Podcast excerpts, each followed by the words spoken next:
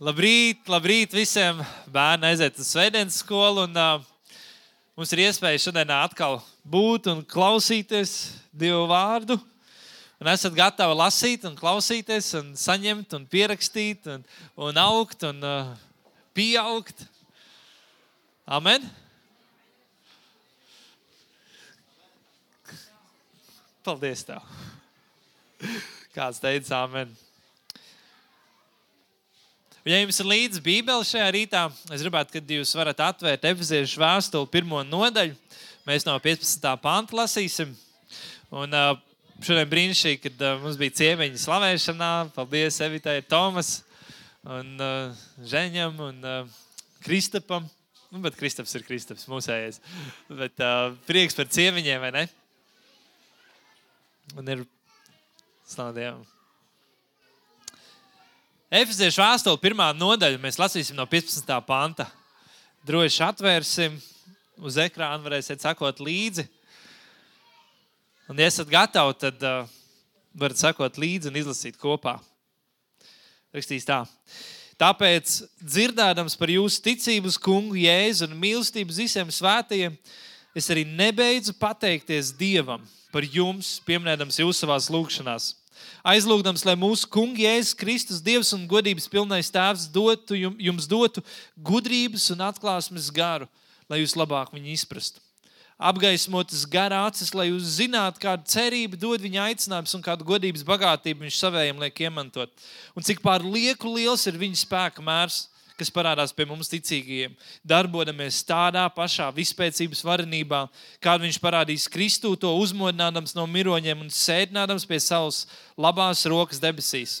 Augstāk par ikvienu valdību varu, spēku, kundzību un ikvienu vārdu, kas tiek minēts vai nu šī laikā, vai nākamajā. Un visu viņš ir nolicis viņam, ka, zem viņa kājām, bet viņu pašu pāri visam iecēls par galvu draudzē, kas ir viņa miesa, pilnība, kas visu visur piepilda. Amen. Un uh, Pāvils saka tādus dažus vārdus, kas šīs nedēļas laikā tik ļoti runā uz madru. Viņš saka, lai godības pilnais tēvs jums dotu gudrības un atklāsmes garu, lai es labāk varētu viņu izprast. Apgaismotas gara acis lai Dievs dod tev gudrības un atklāsmes garu un apgaismotas gara acis. Būtiski Pāvils saka, es lūdzu par cilvēkiem, es lūdzu par jums, efeziešu draugu, es lūdzu par jums, draugu, Dieva mājas, es lūdzu, lai jūs spētu saskatīt to, ko jūs neredzat. Lai jums būtu gudrība, kas nav tikai šīs zemes gudrība. Es lūdzu, lai būtu kaut kas tāds, kas raksturotu jūsu dzīvi, kas nav tikai no šīs pasaules. Es lūdzu, lai ejot cauri šai dzīvei, sastopoties ar visu, kas šajā dzīvē ir, ko dzīve met jums pretī, es lūdzu, lai jūs spētu redzēt kaut ko. Pāvils pirmkārt saka, lai viņš dod gudrības un atklāsmes garu. Un, kad tu lasi par efektīvu draugu, Un eh, Pāvils arī pirms, pirms tam saka, viņš saka, es pateicos Dievam par jums savā lūgšanā. Es pateicos Dievam par jums. Ir kaut kas tāds, kad es skatos uz jūsu draugu, man es gribu priecāties. Man ir prieks par jums. Es pateicos Dievam par to, kā jūs turaties pie ticības, kā jūs esat turējuši to. Bet es vienalga es gribu lūgt Dievam, lai Dievs jums dod gudrības un atklāsmes garu. Vārds gudrība no grieķu valodas ir tāds vārds, uh, sofijas Es nezinu, kā tas izrunājās pareizi, bet tāds vārds Sofijas, bet tas vārds nozīmē tāds tā kā ieskats vai gudrība, kas nav dabīgi iegūta. Ieskats vai gudrība, ko tu neiegūsti tādā dabiskā veidā.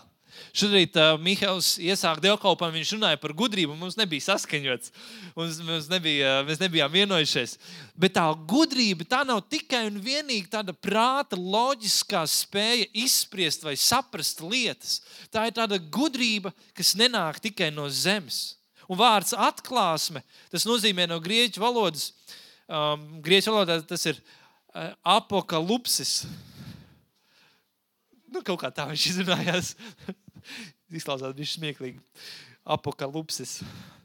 Bet tas nozīmē atklāt, kā noņemt kaut ko, kas ir apklājis, jeb apsedis. Kaut kas, kas ir bijis ilgi apslēpts, pēkšņi kļūst skaidrs un redzams uh, tavam prātam vai acīm.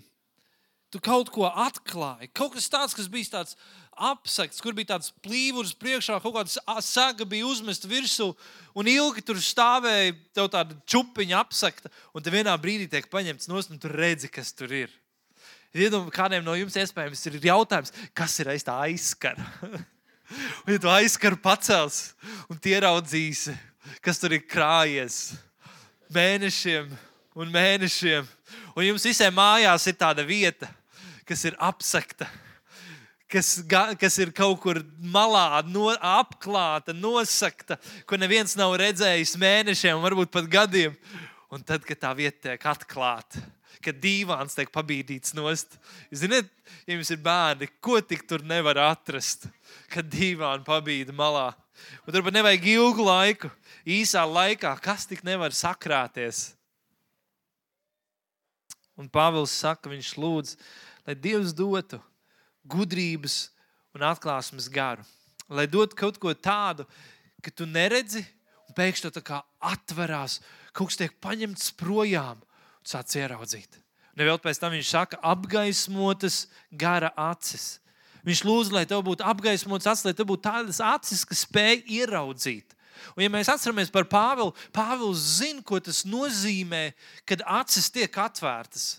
Pāvils bija tas, kurš vajāja draugu, kurš uh, darīja visu iespējamo, lai tos, ko tajā laikā sauc par kristiešiem vai jēzus sekotājiem, lai viņi tiktu vēsti tiesas priekšā, lai kādi tiktu nogalināti, kādi tiktu ieslodzīti cietumos. Bet viņš mēģināja darīt visu, lai Jēzus vārds neizplatītos tautā. Un vienā brīdī Pāvils pats sastopās ar Dievu. Atspīd spoža gaisma no debesīm, viņš tiek nomests pie zemes, viņš pieceļās augšā. Un viena lieta, kas pēkšņi viņu raksturo, viņš vairāk neredz. Viņam likās, ka viņš tik skaidri redz un zina, kas ir patiesība un kas ir jādara. Viņam likās, ka viņš ir ļoti skaidri sapratis, kas ir pareizi un kas nav pareizi. Viņš saka, viņš bija no ebrejiem, ebrejas bauslībā mācīts vairāk kā visi pārējie pie Gamaliela kājām. Viņš zināja par to, kas ir pareizi. Un būtiski tā, tā, tā simboliski, tad, kad viņš sastopās ar Dievu, pirmā lieta, kas notiekās, viņš zaudē savu redzi. Viņš vairāk neko nevar redzēt. Būtiski kā tāda liecība vai atklāsme, tev likās, ka tu redzi, bet īstenībā tu neredzi. Īstenībā Tavas acis ir aizvērtas, un tu nespēji saskatīt to, kas ir patiesība. Un tad ir kāds vīrs, kur Dievs runā un saka, tur kādā namā ir vīrs vārdā Sauls. Ej pie viņa, lūdz par viņu, lai viņš kļūstu redzīgs. Un šis vīrs, Ananī, viņš dodas pie viņa, iet viņa namā, uzliek viņam savas rokas, lūdz par viņu. Un rakstīts Bībelē, ka tā kā tādas zvīņas nokrit no viņa acīm. Un viņš pēkšņi varēja redzēt, pēkšņi viņš varēja ieraudzīt. Bet Bībeles skolotāji saka, ka tajā laikā, kamēr Pāvilam bija šīs fiziskās acis aizvērtas, Pāvils sāka redzēt ar garīgām acīm. Pāvils sāka saprast, viņam sāka, viņ, viņš sāka iegūt atklāsmes un atziņas par Dievu vārdu, par, par, par par Jēzu, ka viņš satikās ar Jēzu un, uh, un ka tajā laikā veidojās tas, kas šodienā ir Pāvils, ko mēs zinām, kas ir Pāvils. Tajā laikā, kamēr viņš neredzēja, kad Dievam burtiski vajadzēja aizvērt viņa acis, lai varētu viņa garīgās acis atvērties, un pēc tam jau viņa fiziskās acis. Apstājot darbos, uh, piedošana atklāsmes grāmatā. Uh, atklāsmes grāmatā uh, nekļūdos Trešajā nodaļā bija rakstīts, uh, ka tu saki, ka tu esi redzīgs, bet patiesībā tu esi akls un nabaks. Tad nu prasi man, lūdzu man, un es tev došu zāles, ar kurām svaidīt savus acis, ka tu varētu sākt redzēt. Bībeli runā par to, kā cilvēki, kas liekas, ka tu redzi, bet patiesībā tu esi tāds akls, ka tu tausties un meklē savu vietu, un tu, tu nevari atrast vai saprast, kas ir, kā ir pasaule un ko vajag darīt pasaulē. Dieva vārds daudz runā par to, ko tas nozīmē būt aklam un ko tas nozīmē būt redzīgam.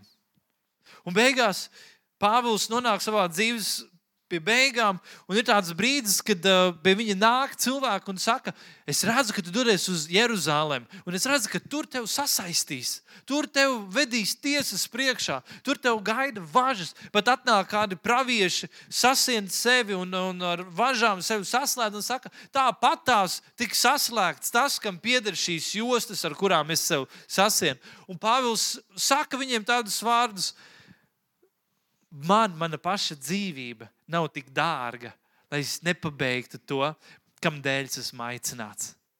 Pāvils apzinās, viņš zina, viņš ir kaut ko ieraudzījis savā dzīvē, kaut ko tādu, kam ir lielāka vērtība. Un viņš saka, man paša dzīvība nav tik vērtīga vai dārga, lai es nepabeigtu to aicinājumu, kur Dievs man ir devis. Un mēs, Pāvils, viņš ir cilvēks, kurš zina, ko tas nozīmē neredzēt, Un tad viņa acis tiek atvērts, un viņš ieraug un sāk redzēt lietas skaidri. Pāvils zina, ko tas nozīmē lūgt, lai Dievs dotu gudrības un atklāsmes garu, lai tev būtu apgaismotas gara acis.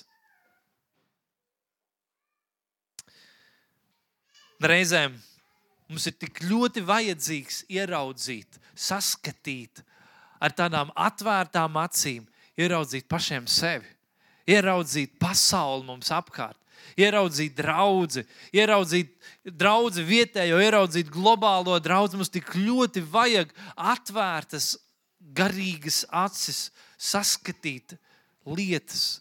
Nevis tikai kā mēs redzam ar fiziskām acīm, vai kā mums liekas, vai kā domājam, bet ieraudzīt ar garīgām acīm. Par Jēzu bija rakstīts, ka viņam nevajadzēja, lai kāds uh, viņam kaut ko stāstītu par kādu, bet viņš jau zināja, kas bija katrā cilvēkā. Bija kaut kas tāds, kad viņš varēja ieraudzīt un saskatīt, redzēt to, ko nerādīja fiziskās acis. Bet kaut ko ar to gara acīm viņš spēja saskatīt. Un tad interesanti, ka mēs lasām šo rakstu, vai tur bija rakstīts, es lūdzu, lai Dievs jums dotu gudrības un atklāsmes garu, lai jūs labāk viņu izprastu, apgaismotas gara acis. Viņš saka, ka lai jūs labāk viņu izprastu, tad tas vārds no grieķu valodas tas nav vienkārši tā, ka tev ir uh, gudrības un atklāsmes gars, lai tu tā kā varētu izprast Dievu. Tur patiesībā tā doma ir mazliet citādāka. Tur ir rakstīts, tas vārds ir tā kā. Um, nu, Es pat nezinu, kas tas saucās par vārdu. Latviešu valoda nav mana stiprā puse. Bet tā doma ir, ka kā, tev dotu gudrības un atklāsmes garu, atrodoties iekšā kaut kur. Esot iekšā. Tā kā nevis lai tu kaut ko iegūtu, gudrības un atklāsmes garu, bet tev dod gudrības un atklāsmes garu, atrodoties kaut kur. No, kad tu, tas notiekās, vai tas izriet no tā kaut kāda stāvokļa, kurā tu atrodies gudrības un atklāsmes gars. Tas nav tikai vienīgi, lai tev atvērtos acis un tu redzētu Dievu, bet tas izriet no tā, no tavām tuvībām un tavām attiecībām ar Dievu. Citiem vārdiem, to varētu tulkot mazliet precīzāk, lai Viņš jums dotu gudrības un atklāsmes garu, atrodoties tādā personīgā, tuvā atziņā par Viņu. Tad iegūstot, apgaismotas garācis. Tas nozīmē, ka tu atrodies attiecībās ar Dievu, kad atrodies tādā tuvībā ar Dievu, Viņš tev sniedz gudrības un atklāsmes garu. Tas gudrības un atklāsmes gars nenāk atrauti no attiecībām ar Dievu. Tas neatnāk tā kā pavasara lieta, ne pavasara sniegs, negaidīti. Labi, kaut kāds cits teiciens jāizvēlās. Viņš neatnāk vienkārši tā, netīšām muskuļus uz galvas negaidīti, nepamanīti. Bet tad, kad tu pavadi laiku ar Dievu, tad, kad tu esi Dieva tuvumā, Dieva klātbūtnē, kad esi Dieva attiecībās ar Dievu, tad ir kaut kas tāds, kas nāk pār tevi. Pagājušajā nedēļā mēs runājām, un uh, viena no lietām mēs runājām par to, kā Jozua pavadīja laiku pie Dieva. Un beigu beigās bija kaut kas tāds, kas raksturoja viņa dzīvi, kad viņš varēja skatīties uz apsolīto zemi un teikt, mēs iesim, mēs iekarosim to. Es zinu, ka Dievs ir ar mums un Dievs būs mūsu pusē. Ir kaut kas, kas bija izmainījis to, kā viņš redz vai kā viņš domā par lietām. Kāpēc? Jo viņš zināja, ko nozīmē atrasties tur, kur ir Dievs. Un tad kaut kas no tās dieva dabas nāca pār viņu.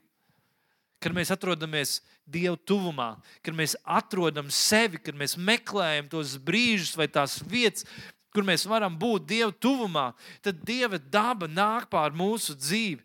Un tad mēs spējam iegūt to gudrības un atklāsmes garu, lai mums būtu apgaismotas gara acis. Es nezinu, es sajūsmu, man vajag patīkās labi. Viņš saka, lai mums dotu gudrības un atklāsmes garu, atrodoties tādā personīgā, tuvā atziņā par viņu, iegūstot apgaismotas garācis. Tad tu vispirms sāc esot Dieva klātbūtnē, Dieva tuvumā atrodoties, tu iegūsti gudrības un atklāsmes garu, kas liek tavām acīm redzēt kas liek tavām acīm beidzot kaut ko ieraudzīt, kas liek tām zvīņām no tavām acīm nokrist tumsai, aiziet prom no tavas dzīves, ka tu beidzot spēj ieraudzīt skaidri. Un tālāk viņš saka trīs lietas, ko tu vari redzēt. Pirmkārt, kāda ir viņa aicinājuma cerība. Otrakārt, kāda ir viņa atstātā mantojuma, godības, bagātības svēto vidū. Un treškārt, kāda ir viņa spēka varenība pret mums. Trīs lietas, ko apgaismotas gara acis ļauj tev savā dzīvē ieraudzīt. Un tās tādas trīs atslēgas, ko ja tu spēsi saskatīt vai ieraudzīt savā dzīvē, tev burtiski vairāk nekā cits vairs nav vajadzīgs. Kaut kas, kas ieliek tev tik spēcīgu pamatu, kaut ko pie kā tu tik spēcīgi vari turēties, un pilnīgi nekas vairāk nav neiespējams savā dzīvē. Trīs lietas. Kāda ir viņa aicinājuma cerība? Nevēl Pāvils varēja teikt es neturu savu dzīvību vairs dārgu. Lai es varētu pabeigt to, kam viņš man ir aicinājis. Kad viņa acis atvērās, viņš ieraudzīja aicinājumu, kam viņš ir aicināts. Un viss pārējais zaudēja savu nozīmi un vērtību. Ja līdz tam tas, ko viņš varēja redzēt ar savām iesīgajām acīm, bija daudz, kas bija par viņu, tad, kad viņa acis ir atvērts, viņš ierauga aicinājumu. Viņš saprot, tas nav par viņu. Tas ir par Kristu, tas ir par Dievu valstību. Tas ir kaut kas tik daudz lielāks un plašāks, kam es esmu aicināts ņemt daļu. Manas acis ir beidzot atvēršās, un es ieraugu kādam aicinājumam, cerībai. Es esmu aicināts.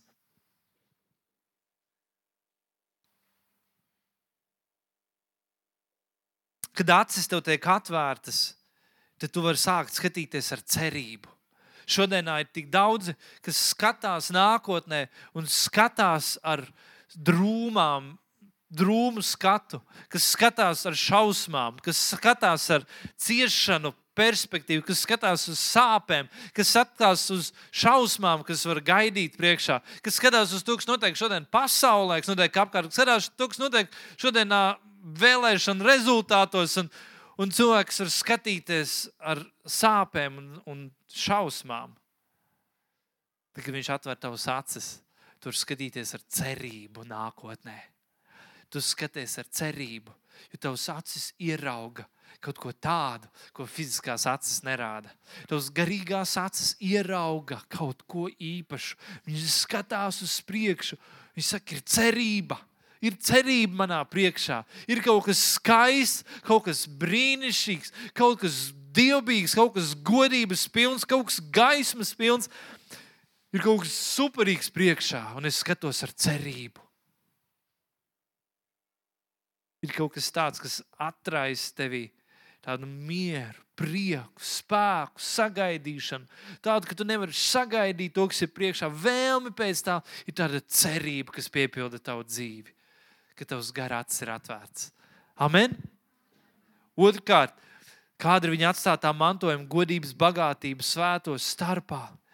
Ir kaut kas tāds, ka tu spēj ieraudzīt tādus dārgumus, kas ir atstāti svētajos, ko Dievs ir izdarījis, kāda Dieva žēlstība ir bijusi pār cilvēkiem. Tur pastīties uz savu dzīvi, ieraudzīt kaut ko tik dārgu, kaut ko tik vērtīgu, kaut ko tik īpašu savā dzīvēm.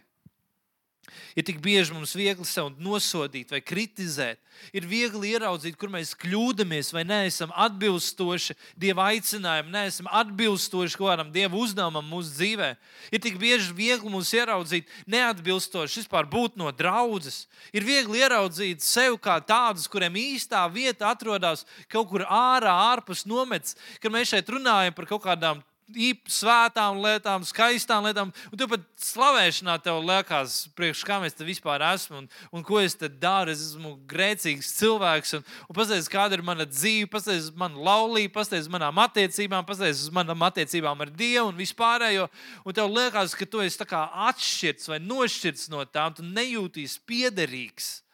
Tik viņš atver tavus acis, viņš ļauj tev ieraudzīt to viņa atstāto mantojumu, godības bagātību tevī, sevī. Tu sāc ieraudzīt, cik dārga dāvana man ir dota. Kāda, kā pēdējā dziesma, ko mēs dzirdējām, kāda žēlastība man dāvāta. Kāds, tas, kāds ir tas dārgums, kas ir ielikts tevī? Kad tavs acis tiek atvērts, to ieraugi, savus sirds dziļumus un ieraugi tos dārgumus. Nevis tumsu, nevis kļūdas, nevis tavu, tavas problēmas, tur, kur tu caurkrīti, kur tu esi nepietiekošs, bet ieraugi tos dārgumus, ko Dievs ir ielicis tevī. Un trešā lieta, kāda ir viņa spēka varenība pret mums. Kad tavs acis tiek atvērts, tu sāc ieraudzīt, kāda ir Dieva brīnumdarošais spēks, kāda ir viņa varenība, ko viņš atklāja cilvēku vidū. Tu sāc ieraudzīt vairāk un vairāk, ka tam Dievam nekas nav neiespējams. Kad viņš runā, tad top ne no kā. Kad viņš runā, tad kalni pārceļās jūrā. Kad viņš sūta savu vārdu, tad burtiski jūra pārceļās divās daļās armijas metās bēgt. Ja vajadzīgs, bet saule pie debesīm apstājās un vairāk nekustās uz priekšu. Dievs, kam nekā nav neiespējami. Kāda ir viņa spēka varenība pret mums, kad tavs garāts ir atvērtas, sāc ieraudzīt, kāds spēks, kāda vara, kāds, kāds brīnišķīgs spēks ir Dievam un tu vari sākt tam noticēt. Trīs lietas, kas atklājās, ka tu savus acis vari atvērt un vari sākt saskatīt. Un vecajā derībā viena no tādām cilvēku grupām, par kurām mēs varam lasīt, viņi tika nosaukti par redzētājiem. Tie bija pravieši. Viņiem bija speciāls specifiskāts nosaukums kā redzētāji. Kāpēc? Tāpēc, kad viņi redzēja tajā, ko neredz pārējie. Viņi redzēja nākotnē, vai viņi redzēja tādā dievišķīgajā, viņi redzēja dieva realitātē, ko cilvēki reizēm nespēja saskatīt vai ieraudzīt. Viņi ieraudzīja kaut ko, ko fiziskās acis neredz. Jaunajā derībā ir rakstīts par to, pirmā vēstule korintiešiem 14.1. ir rakstīts, lai mēs dzenamies pēc mīlestības, lai mēs tiecamies pēc garīgajām dāvanām un sevišķi, lai mēs spētu pravietot. Ir kaut kas tāds, ko Pāvils turpina runāt par to, ka ir, ir, ir labi, ka tu gribi tiekties pēc pravietošanas. Kāpēc? Jo tas ir kaut kāda spēja vai, vai dāvana tev ieraudzīt. Un izrunāt, atnest un parādīt šeit virs zemes, atklāt to neredzamo, padarīt par redzamu. To, ko cilvēki apkārt nesaskata vai nespēja ieraudzīt, to atnest un parādīt, un ieraudzīt un izcelt gaismā to, lai visi to varētu ieraudzīt. Kāpēc tas ir svarīgi? Pāvils rāda, cik nozīmīgi ir, ka mūsu acis ir atvērtas un mēs redzam to, ko mūsu fiziskās acis neierauga. Šodienā pasaulē cilvēki ilgojās un tiecās pēc uh, tādām garīgām atklāsmēm. Viņi meklē garīgus skolotājus, meklē kaut kādus tādus transus, vai, vai jogas, vai vēl visu, ko meklē, kādus stāvokļus, lai, lai varētu uh, kaut kādu garīgu realitāti ieraudzīt, lai varētu ieraudzīt kaut kādus savus dziļumus, atklāt un izprast. Un ir tāda tieksme pēc tādām garīgām lietām cilvēkam.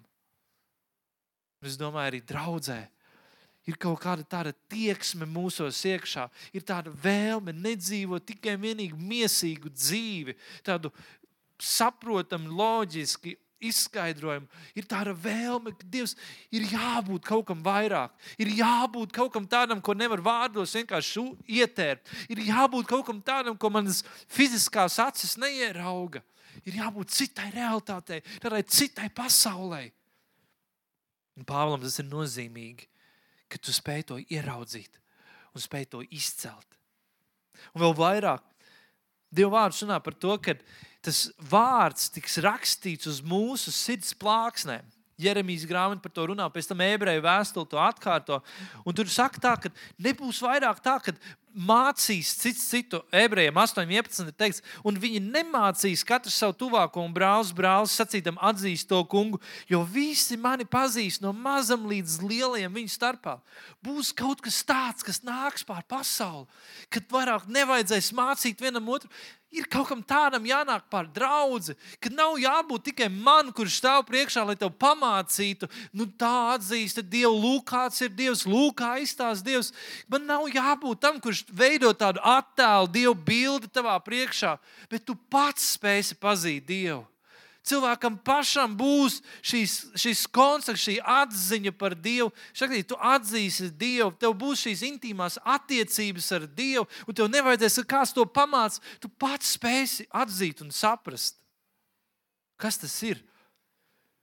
No tās, no tās intīmajām attiecībām, kur aug, nāk tas tas neredzamais kļūst redzams. Tu spēj atzīt to, kāds ir Dievs. Tavs acis tiek atvērts, tu spēj saskatīt un ieraudzīt. Un tev nevajag kādu, kurš tev atklāja un parāda, bet tavas acis rāda. Tavas acis ir atvērts, un tu pats spēj saskatīt garīgās lietas. Tu spēj redzēt to, ko dabiskais neredz.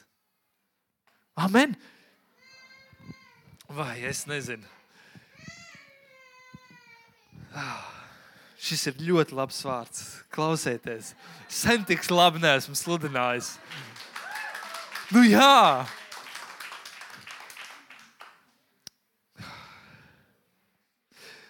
Amen. Vēl bišķiņi pacietieties. Pirmā korintiešiem 14. nodaļā mēs jau no pirmā panta lasījām, kur viņš saka par to, lai mēs dzenamies pēc šīm garīgajām dāvanām un sevišķi, lai mēs varētu pravietot. Un tad otrajā pantā ir teikts, jo kas runā mēlēs, tas nerunā cilvēkiem, bet dievam, jo neviens ne to nesaprot. Viņš garā runā noslēpums, bet kas pravieto, tas runā cilvēku celšanai, pamudināšanai un iepriecināšanai. Kas runā mēlēs, tas ceļ pats sev, bet kas pravieto, tas ceļ draugu.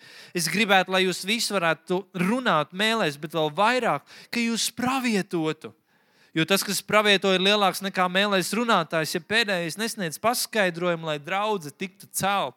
Viņš saka, es gribētu, lai jūs visi varētu runāt mēlēs, bet es vairāk par to vēl gribu, lai jūs spētu pravietot. Es gribētu, kad jums būtu šīs garīgās acis atvērts, un jūs spētu ieraudzīt, jūs spētu saskatīt kaut ko, ko nerāda fiziskās acis. Tagad, kad tu runā mēlēs, tavs prāts paliek neauglīgs. Tev nav jāpieslēdzas vai jāsaprot tas, ko tu runā mēlēs, bet kad tu pravieto, tu sāc saprast, tu sāc savu prātu pārveidot, tu spēj ieraudzīt un saskatīt lietas, un tu sāc izrunāt ticībā to, kas nav. Tu sāc runāt to, ko tu vēl neredzi ar savām, ar savām fiziskajām acīm. Tu runāji, kā tas jau būtu. Kaut kas no tādas dievišķas dabas sāk raksturot tavu dzīvi dzīvi. Tu kļūsti par tādu redzētāju, kas spēj atklāt noslēpumus. Amen. Un tas sāk celt. Tas runā cilvēku celšanai, pamudināšanai un iepriecināšanai. Viņš ceļ. Tas, kurš redz un runā to, viņš ceļ. Tas ceļ, pravietisks vārds ceļ šīs uh, atvērtās acis, gara acis, tas ceļ, ka tev ir šīs attiecības ar Dievu, ka tev ir gudrības un atklāsmes gars, ka tev tiek atvērts tavs gara acis, tas sāk celt. Tas nevis norāda uz cilvēku kļūdām, tas nevis atklāja demonus un ļaunos garus, un kļūdas, un grēkus, un pārkāpumus, un trūkumus, un, un visu ļaunumu, un visu tumsu otra cilvēka dzīvē. Tas sāk celt, tas ierauga um, kāds tūkoja vārdu celt šādi. Tas nozīmē, kā, mm, pacelt cilvēku, līdz viņš kļūst par piemērotu mājvietu priekš dieva. Kļūst, tas nozīmē, ka viņš kļūst par tā kunga mājvietu. Tas nozīmē, celt. Tas nozīmē, es, es, es tevi gribu pacelt tā, lai Dievam māja vieta ir pie tevis. Dieva mājas ir. Nu, kad nozīmē celt, nozīmē nu, pravietot, nozīmē pievienot cilvēkus, draudzēt Dieva mājas. Pamudināt.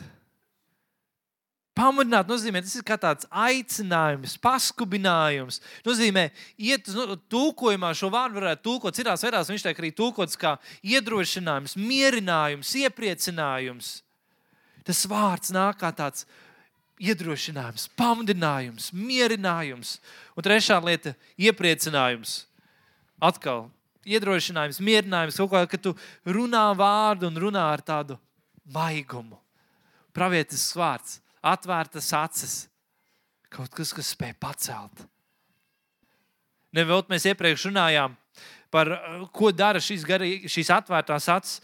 Viņš atklāja aicinājumu, cerību, ka Dievs dod tev pravietisku vārdu, ka tev ir kāda atklāsme, tev ir vārds priekš kāda cilvēka. Tas pacels viņa aicinājumu, un tu zini, Dieva aicinājums. Tas ir godības pilns. Dieva aicinājums par katru vienu no jums. Tas ir svēts, tas ir dārgs, tas ir vērtīgs, tas ir īpašs, tas ir, tas ir kā zelts, tas ir kā pērle, tas ir kaut kas tik dārgs un neaprakstāms, tik vērtīgs, tik tik skaists, un kad tev nāk kāds vārds priekš kāda cilvēka, kad tev atverās acis un ieraugi, Tu ieraugi šo aicinājumu, un tu redzi, cik tas ir kaut kas skaists pār viņa dzīvi. Tā cerība, ka Dievs skatās uz viņu un saka, tavai dzīvei ir cerība, tavai dzīvei ir jēga. Vienalga arī cik liels grēcinieks tu nebūtu, vienalga kāds narkomāns vai kāds alkoholiķis vai kāds, um, vienalga kas arī tu nebūtu, bet kāda cerība ir tavai dzīvei, kāds svēts, dārgs un īpašs aicinājums ir priekš tevis.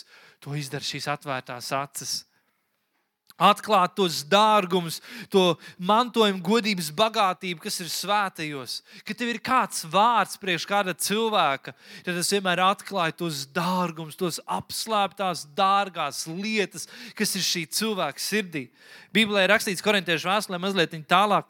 Tur runā tā, ka, ja ienāk iekšā kāds svešinieks un, un visi pravieto, visi spriež par viņu, tad labi, es izlasīšu.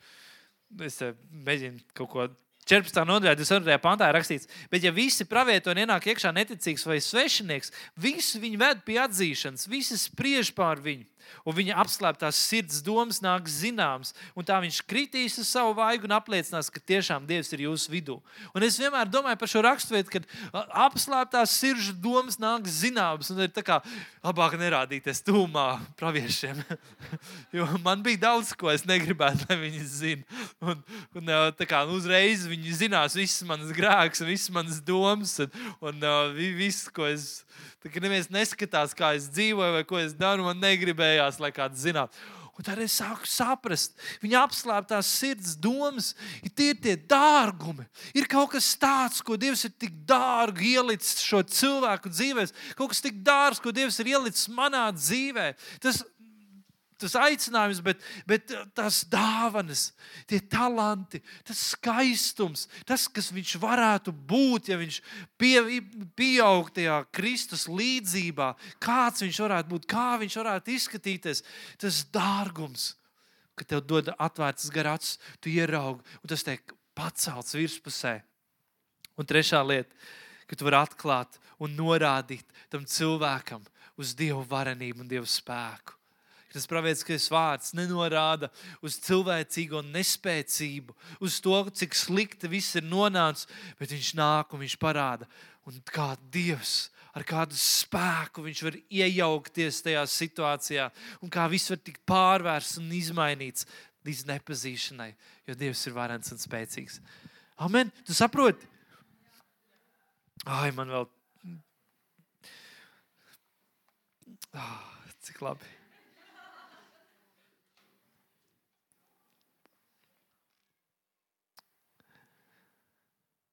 Ir kaut kas tik vērtīgs un tik dārgs, ka tu esi pavadījis savu laiku Dieva klātbūtnē. Un ka Dieva daba ir nākusi pār tevi, pārveidojusi tevi, pārveidojusi to, kā tu sāc redzēt pat cilvēkus apkārt. Kāpēc? Tāpēc, kad ir kaut kādas citas acis tev atvērušās. Un cilvēks, kas tev sēž blakus, ka tu burtiski, tev sēž blakām, Bībelē runā, ka tu viņus nepazīsti vairāk pēc miesas, bet tu ieraugi kaut ko citu. Un arī cik nebūtu bezcerīga situācija, vai bezcerīgs gadījums, vai arī kas nebūtu bijis un kam nebūtu gājis cilvēks cauri, un arī cik lielās šodienas sāpēs vai ciešanās viņš neatrastos, bet tavs gara acis, tādas acis, caur kurām Dievs redz šo cilvēku, viņš spēja ieraudzīt kaut ko tik dārgu, tik vērtīgu, tik īpašu un pacelt to gaismā un sniegt cerību otram cilvēkam. Un vēl viena lieta. Kad mēs lasām Dieva vārdu, tad uh, mēs varam redzēt, ka uh, ļoti līdzīgi kā šīs, šīs vadlīnijas, kas ir pravietošanai, ļoti līdzīgas vadlīnijas Pāvils arī dod, kā tēvam būs izturēties pret bērniem. Ir kaut kas ļoti, ļoti līdzīgs, ka Pāvils saka, tas ir ļoti līdzīgā veidā. Un es redzu to, ka ir tādas lielas paralēles tam, ko tas nozīmē būt ar apgaismotām gar acīm, un ko tas nozīmē būt vienkārši tēvam. Ko tas nozīmē būt ar tādu sirdi, kas mīl.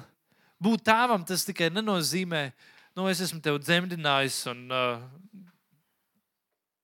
tālāk dzīvo. Nu, ir kā ir. Nu, vienalga. Bet uh, būt tēvam, tas raksturo to tavu Tev ir svarīgi, kas ar to cilvēku notiekās. Tev ir svarīgi par cilvēkiem apkārt. Ir kā tāda, tāda sirds, kas pāri plūst pret taviem bērniem. Ir tāda vērtība, ir, tāda, ir kaut kas tik dārgs un vērtīgs. Un, nu, tiem, kam ir bērni, jūs sapratāt. Un, um, jā, amen. Tad, kad tavs gara acis ir atvērts, tad ir kaut kas tāds, kas sāk raksturot tavu dzīvi. Ka cilvēki, kad tagad, kas tev sēž apkārt, tie cilvēki, kas tev sēž blakām, ir kaut kā tāda vērtība, tāda cieņa, tāda līdzjūtība, tāda iežēla, tāds, tāda nozīme, kas iet līdzi. Un tu neredzi to cilvēku tikai un vienīgi ar, ar tādām svešinieku acīm, bet tavs acis ir atvērts. Un tie ieraug ar, ar tādu vērtību.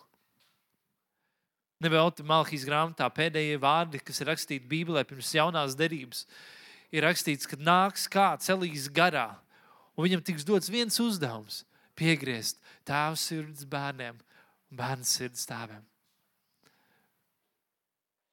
Un tad pirmie vārdi jaunajā derībā - Mātei evanģēlī, pirmā nodaļa, pirmais pants - Jēzus Kristus. Un ir kaut kas tāds, ko Dievs dara, ka Viņš pievērš ka viņš atjauno šo, šīs attiecības. Un es atceros, es uh, uzaugu draudzē, un uh, es, uh, mēs ticējām pravietiskai dāvinai. Mēs ticējām, ka ir pravietošana. Un viss, kas bija pravietošana, tas bija kāds mācītājs stāv priekšā, un uh, varbūt reizēm viņam būs kāds pravietisks vārds, ko pateikt draudzē. Ja tev ļoti palaimēsies, tad tajā brīdī, kad viņš lūgs par tevi, varbūt viņš arī pravietos kaut ko tavā dzīvē. Un tas bija tas, kas bija pravietošana un vairāk un vairāk, ko Dievs rāda, man liekas, un ko Dievs dara. Nevis tikai, ko Dievs dara pasaulē, arī, kad Viņš pārveido, ka pravietošana vai pravietiska tāda daba, tā kļūst daļa no tādas kultūras, kurā mēs dzīvojam. Un ka tas Tas pats, ko tas nozīmē būt par kā tēvs dēlam, ko nozīmē būt šajās tuvajās attiecībās, tajā vērtībā un cieņā vienam pret otru, tas nozīmē būt arī ar tādu pravietisku sirdi, ar pravietiskām acīm, ieraudzīt neredzamu un to pasniegt. Tas nenozīmē tikai runāt tādus, tā saka tas kungs, ka tagad notiksies tādas un tādas lietas. Tas nozīmē vienkārši aplikt roku apkārt, raudāt līdzi, priecāties līdzi, iedrošināt, runāt ticības vārdus, runāt iedrošinājumu vārdus, runāt cerības vārdus, ir palīdzēt saskatīt un ieraudzīt to, kas ir dārgs un vērtīgs, palīdzēt ieraudzīt, kas tavā sirdī ir vērtīgs un svarīgs. Tas viss ir daļa no tā, ko tas nozīmē pravietot.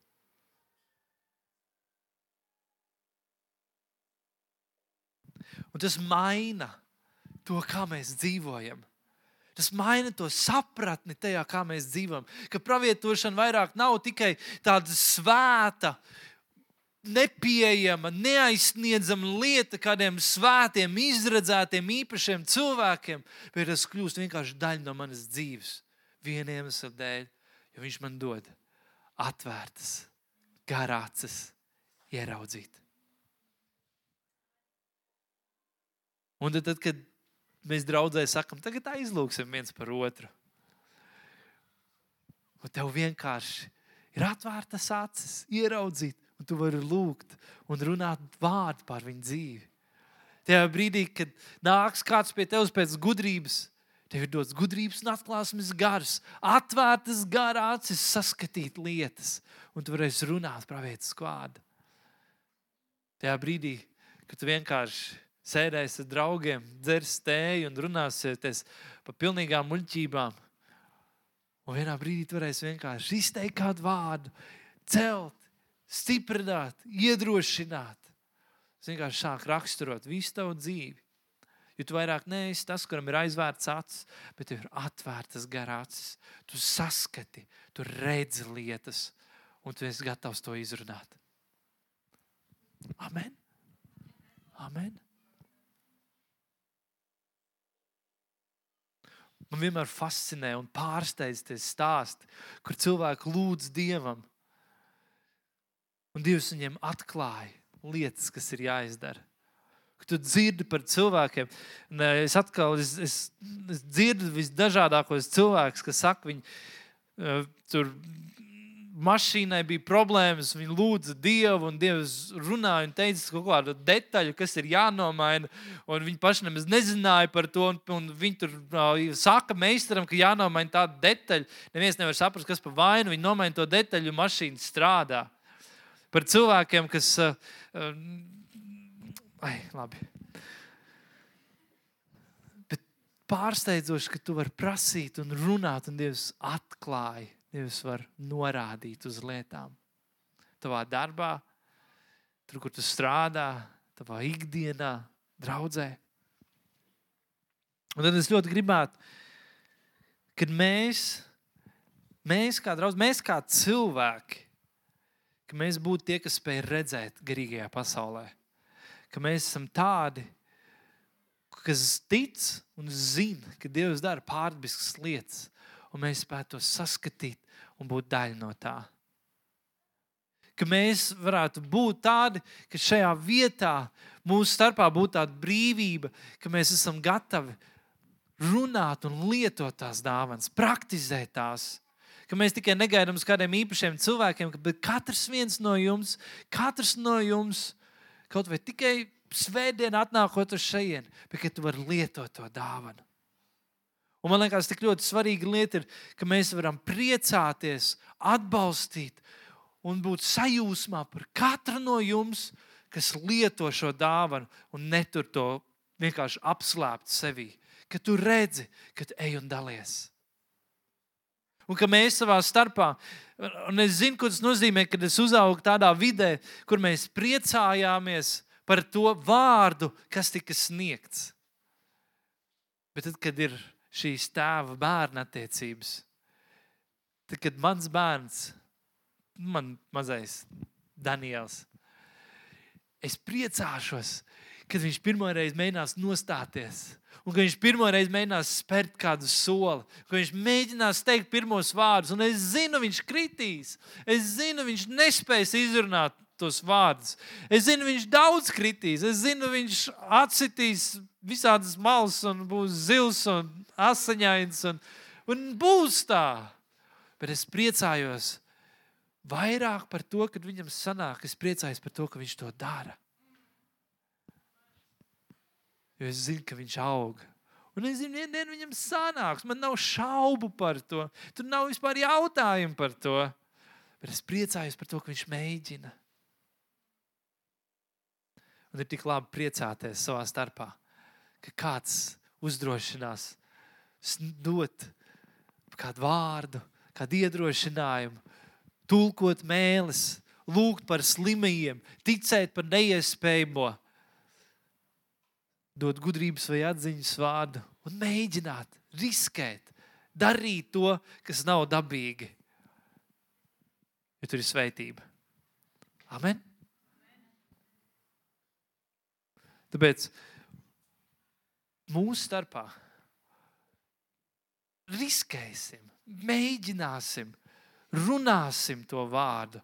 Ja Dievs dod mums kaut ko, paklausīsim, atsauksimies. Kas varēs gars uzrunā par kādu vārdu vai kādu lietu pateikt kādam cilvēkam, kādu bildi vai kādu sapni, kādu vīziju vai kādu atziņu dot tev. Kas varēs gars runā aizēj un aizlūdz par kādu vai vēl kaut ko atsaucies, dari to. Un mēs pārējie nekritizēsim kļūdas, bet priecāsimies, ka kāds mēģināja kā pārpus savu komfortu. Un tad trešā lieta, mēs būsim un mēs arī pārbaudīsim. Es atceros, kad es atkal tā, tā vide, kur es uzaugu, likās, tas katrs pravietisks vārds ir tā kā, nu, viņam ir jāpiepildās. Nu, ja tas, sanāk, tas ir vilds, nu, gandrīz vai tas ir vilds pravietis, kurš ir jānomētā ar akmeņiem. Bet, ja tiek teikts kaut kas, tad tam ir jāpiepildās, un tur nav citu opciju. Tam ir jānotiek.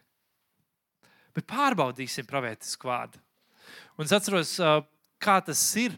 Dieva vārds saka, ka visi, ko vada Dieva gars, ir Dieva bērni. Nevis tas, ko vada pravietojumi, nevis tas, ko vada citu cilvēku izteikt vārdu par tavu dzīvi, bet viss, ko vada Dieva gars, ir Dieva bērni. Ļoti svarīga lieta, ko vada Dieva gars. Un tāpēc ir svarīgi vienmēr pārbaudīt vārdu, ko mēs saņemam. Un es nobeigšu, es, es pastāstīšu jums vienu stāstu. Gribat dzirdēt vienu vien stāstu? Un es atceros, um, es biju draudzē, tieši pirms divām mājām, un eh, es zināju, ka es tajā draudzē esmu tādu īsu periodu. Man bija tāda pārliecība. Un, un eh, es jūtu, kad eh, pienāk mans laiks no tās draudzes iet projām, kad Dievs man ved citurien. Un es, protams, esmu tāds ļoti apzinīgs, ticīgs cilvēks. Es negribēju vienkārši tā fiksi kaut kur ielikt, vai tāpēc, ka man kaut kādas ir grūti, vai kaut kādas lietas nepatīk, vai vēl kaut kas. Es negribu vienkārši kaut kādās emocijās pieņemt tādu lēmumu. Es tiešām gribēju būt pārliecināts, ka Dievs man ved. Un tas ilgi kaut kādu pusgadu, kad es tā cīnījos ar to, mēģināju saprast, lūgt, un, un visu kaut ko mēģināju darīt, visu iespējamo, lai saprastu, vai man ir jāpaliek vai jāiet tālāk. Un es sapratu, ka Dievs man ved tālāk. Un es atceros, bija tāds bija nedēļas vidus dievkalpojums, bija kaut kādā trešdienā vai kaut kas tāds. Bija dievkalpojums, pirms dievkalpojuma es satikos ar mācītājiem, tur uh, līderiem draudzē. Uh, mēs izrunājāmies, viņš svētīja mani, mums bija kāja mazgāšana, un, un viņš man atraisīja, no, nu, atlaida no draudzes ar, ar, ar svētību, ar mieru, ar lūgšanām un viss kārtībā. Un, uh, es nepaliku uz dievkalpojumu, es devos projām, un es zināju, ka mans laiks šajā draudzē ir beidzies. Tajā dievkalpojumā. Bija uzradušies Latvijā, bija kādi, kādi cilvēki, kas vienkārši bija pazīstami mācījumiem, teica, nu, nevarētu iedot mazliet laika liecībai, nu, tā kā mazliet uzrunāt draugus. Ne latvieši no citas valsts atbraukuši, un viņi saka, viņi kalpotāji atbrauc uz Latviju kalpot dažādās draudzēs. Un viņiem iedeva laiku mazliet liecināt. Un viena no lietām, ko viņi liecina, un pēc tam man vienkārši zvana cilvēki un saka, Krista, tu neticēsi, kas draudzē notikās un kas tur bija. Un, un kas tur bija. Un, sakot, šeit, nu, tāda sieviete, viņa, kad viņa runā, un vienā brīdī viņa saka, ka draudzē ir viens no vadītājiem, viens no līderiem, un um, viņš uh, izdara šobrīd lielāko kļūdu savā dzīvē. Viņš uh, iet projām no draudzes, viņš pieņem tādu lēmumu, ja viņš to darīs, viņš izdarīs lielāko kļūdu savā dzīvē. Un, un, un tā tālāk, man sakot, pilnībā noraksturo manu situāciju, viņi pastāsta par to, kas ir, un pasaka, ka tā ir lielākā kļūda, ko es daru, un cilvēki man zvana saka, Kristap, tu neticēsi, kas bija un ko viņa teica, un, tev, un tu dari kļūdu un, un tā tālāk. Un liekas, tik precīzi pravietisks vārds. Liekas, tāds, par ko mēs varētu sapņot, dzirdēt tādu vārdu, vai ne? Nu, tik precīzi. Bet vienkārši tu zini, tas nav, tas nav, tas nav man. Un es saprotu, Dievs, es, es, protams, ka tu tāds jautājums iekšā, nu, kā, ko darīt, nu, kā ir. Es saprotu, Dievs, un, un tā, tā mana saruna ar Dievu bija Dievs ja tas tiešām ir kaut kas, ko tu man gribi teikt, tad tu vari man to pateikt. Un tev nav jāsaka cauri kaut kādiem cilvēkiem, kur es pat neesmu bijis klātesošs. Tu zini, kā man uzrunāt. Jo visi, ko vada Dieva gars, ir Dieva bērni. Un katrs vārds, ko tu saņem, katra, katrs vārds, ko tu saņemsi, ir lietas, ko tu vari teikt paldies un nolikt plauktiņā. Bībelē runā, ka praviecisks vārds ir kā tāda svece, kā tāda gaisma, ko mēs stipri turam pie kama, ko mēs ņemam, lai iet cauri tumsai, tumšai ielai. Un tas vārds var nākt, un mēs varam to saņemt. Un ir īstie vārdi īstajā brīdī, bet ir reizes, kad tas neatsaucās. Tad pārbaudi to.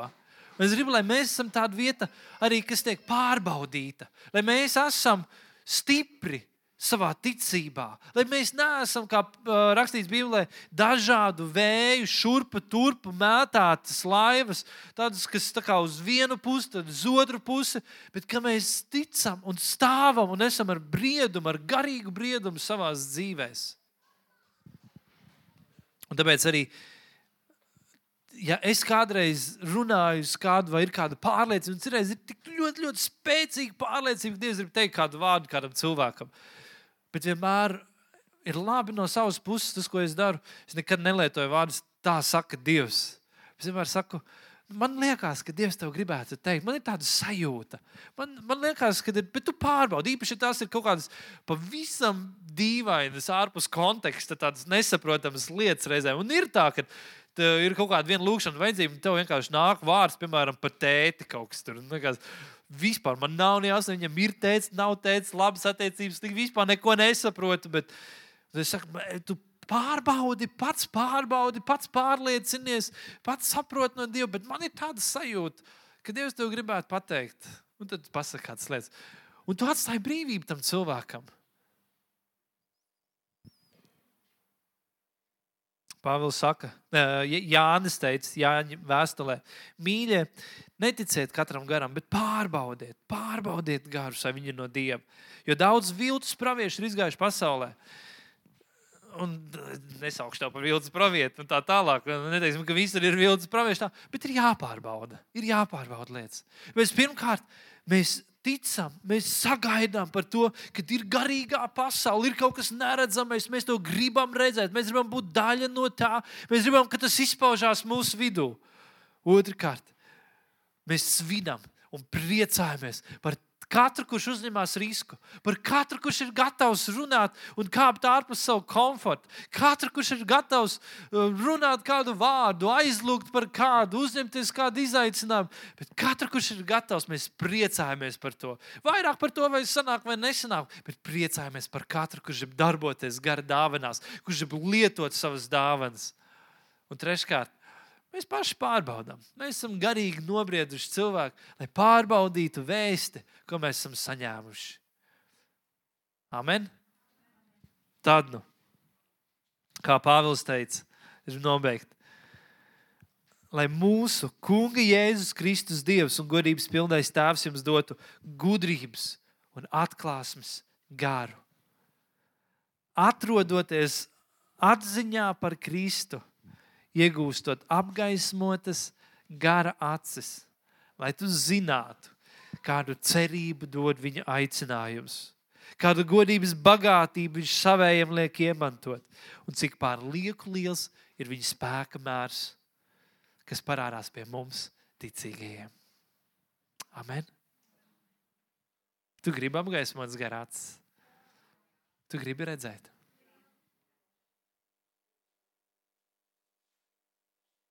Es palūgšu, ka slavētāji varbūt varētu nākt. Un man liekas, tas ir tik ļoti īpašs, vēl jau vairāk šajā laikā, kurā mēs dzīvojam. Es, es teikšu, godīgi, es nezinu, kā draudzene, kas netic pārdabiskajam, spēs iziet cauri laikam, kas ir priekšā. Mums ir vairāk kā jebkad jāspēj noticēt.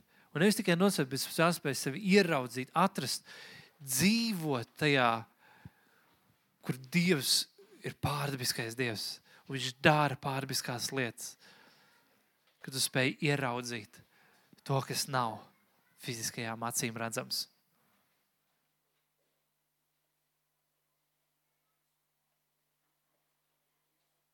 Un varbūt varbūt, kad es runāju vienkārši priekš sevis šodien, tad, uh, tad atvainojiet. Bet es tik ļoti gribu, tik ļoti gribētu, ka manas garīgās acis spēj redzēt to, ko es vēl līdz šim nespēju saskatīt. Un man tā sajūta ir tāda, ka mēs tādā garīgajā līmenī esam šobrīd vēl tādi, kas tā mēģina taustīties un saprast. Bet cik ļoti, lai Dievs mūs ievietojas dziļumos, tik daudz dziļāk, tik daudz dziļāk. Kā Pāvils saka, cenieties pēc garīgajām dāvanām, sevišķi, ka jūs spētu pravietot. Lai ir kaut kas tāds, kas manī iekšā runā un saka un sauc, ka es vienkārši es gribu, es gribu to, es ilgojos pēc tā, es gribu redzēt. Un tā redzēšana tas pat nenozīmē, saprast, pēkšņi, ka es sapratīšu visu, kas pasaulē notiek. Kad es zinu, tagad, kas notiekās, uz ko pasaule iet un kas būs tālāk ne, ne, ne obligāti tādos mērogos, vienkārši, ka tavs garīgās acis ir atvērts, ka tu spēj saskatīt, tu spēj redzēt ar dievišķām acīm lietas, tu spēj redzēt dievišķu skatienu, to, kas notiek apkārt.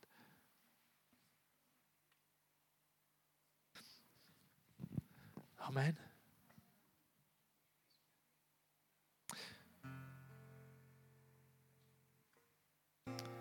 Mēs varētu kopā lūgt par to kā Pāvils teica, lai būs godības Jēzus Kristus, Dievs un godības pildais Tēvs, lai mums dotu gudrības un atklāsmes garu.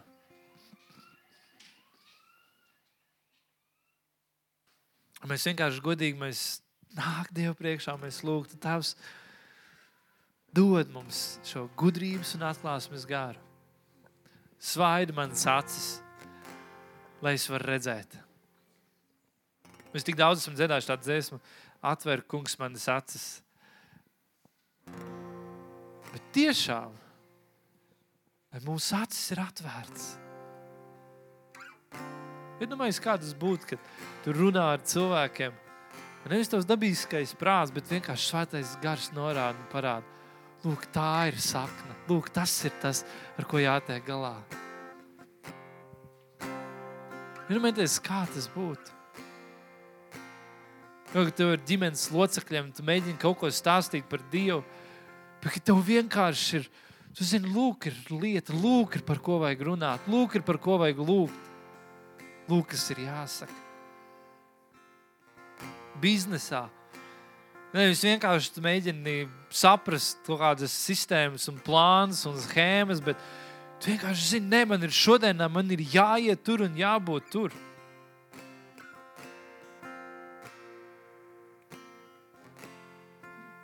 Dievs dod mums gudrības un atklāsmes gāru.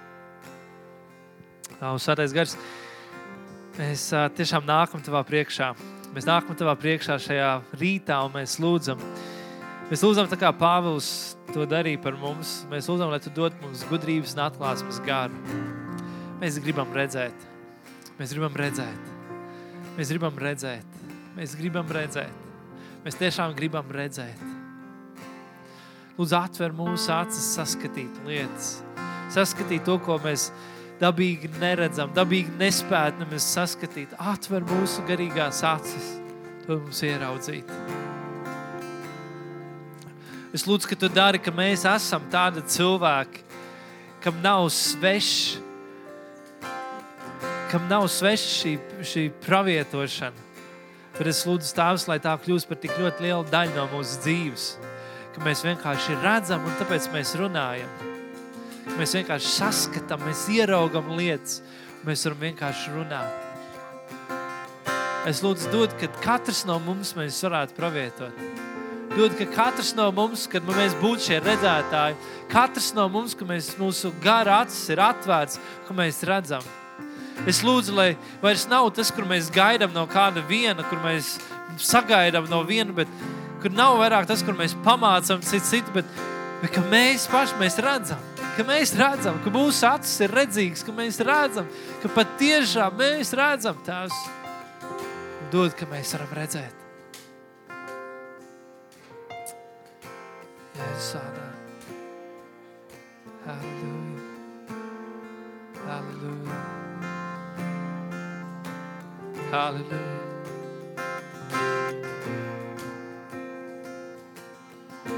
Es lūdzu arī, ka tu nojauc mūrus, norauc mūsu tādus teoloģiskus mūrus, nojauc kaut kādas nedrošības vai baiļu mūrus. Nojauc tos, tos, tos fiziskos, dabiskos mūrus, kas mums var būt, kas saka, ka, ka mūsu loģiskais prāts, kur vienmēr stāv ceļā un, un vienmēr saka, kā būt, un, un neļauj mums tādā riskēt un vienkārši tādā ticībā runāt vai darīt lietas. Lūdzu, tās, lai tie mūri brūk, lai tie mūri brūk mūsu dzīvē. Lai mēs nedzīvojam tikai pēc mūsu prāta, lai mēs neesam mīsīgie, ticīgie, bet mēs esam tie, ko vada tā kunga gars. Mēs, kas garā esam iesākuši, lai mēs garā varam pabeigt, lai mēs staigājam garā un mēs tieksmes savaldam. Tas, lai brūk tie mūri, es lūdzu salauzt tos mūrus.